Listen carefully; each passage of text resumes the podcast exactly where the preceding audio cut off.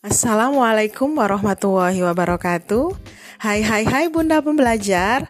Mojo yuk di ruang keluarga bersama saya Maria Ulfa. Bagaimana kabar bunda-bunda sekalian? Semoga sehat selalu dan senantiasa semangat. Di Mojo yuk di ruang keluarga kita akan seru-seruan Membahas tentang tema kehidupan sehari-hari Tentang nilai-nilai kehidupan tentang keluarga, dan pernikahan. Untuk itu, stay tune di Mojo You di ruang keluarga.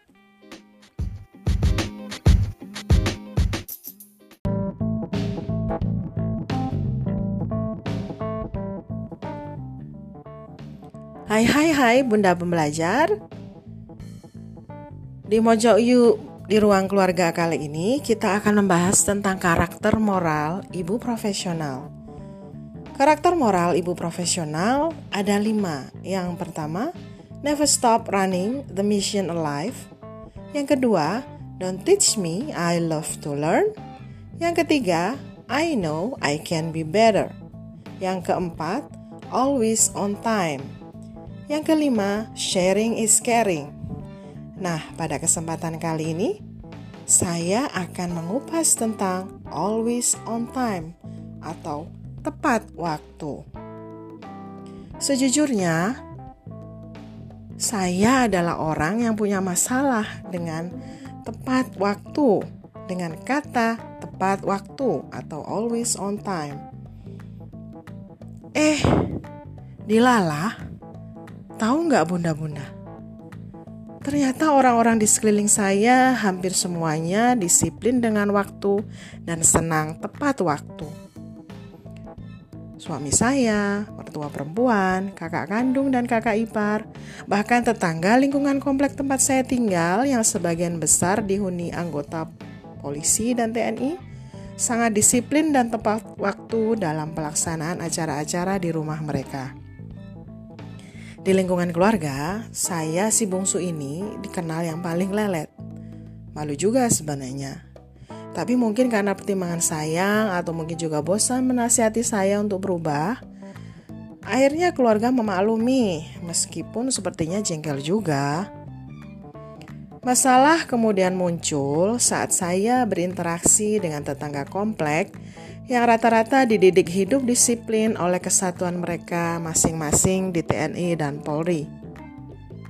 Saya dengan gaya santai dan terkadang suka ngaret dalam memulai acara pengajian di majelis taklim komplek.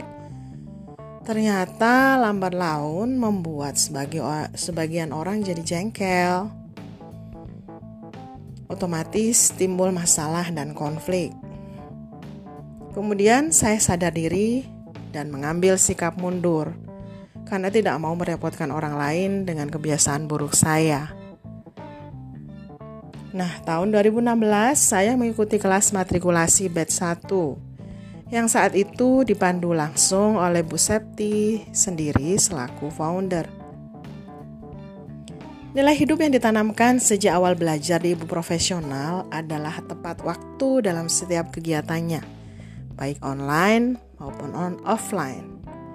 Bukan hanya slogan, tapi real dalam pelaksanaan. Lambat laun, saya berusaha mengubah kebiasaan buruk yang suka ngaret. Apa yang membuat saya terpacu untuk berubah? Dalam perjalanan waktu, saya kemudian memahami dan kemudian memaknai ulang terhadap adab sebelum ilmu, serta sikap profesionalisme.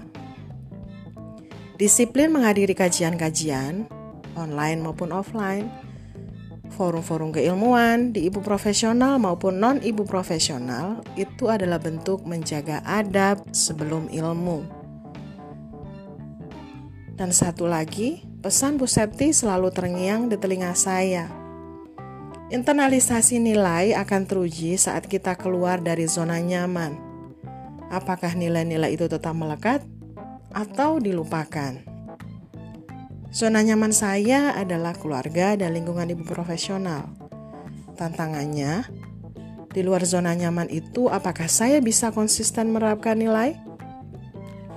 Alhamdulillah sejak tahun 2019 saat diundang menjadi narasumber oleh komunitas atau instansi lain, menjadi peserta training dan workshop lembaga lain, online maupun offline, saya bisa on time atau tepat waktu.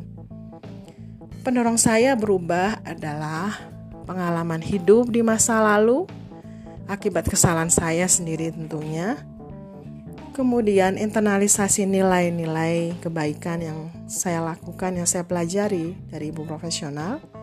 Kemudian menjaga adab dan sikap profesionalisme. Saya sadar diri saya banyak kekurangan. Tapi dengan berusaha mengubah diri, semoga menjadi kebaikan yang berdampak. Tidak hanya bagi diri sendiri, tapi juga bagi keluarga dan orang lain.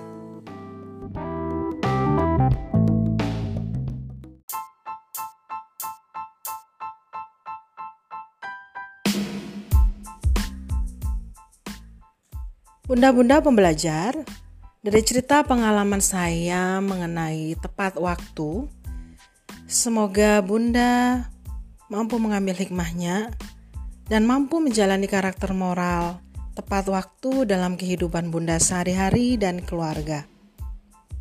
Sampai jumpa di episode-episode mendatang. Saya pamit undur diri. Assalamualaikum warahmatullahi wabarakatuh.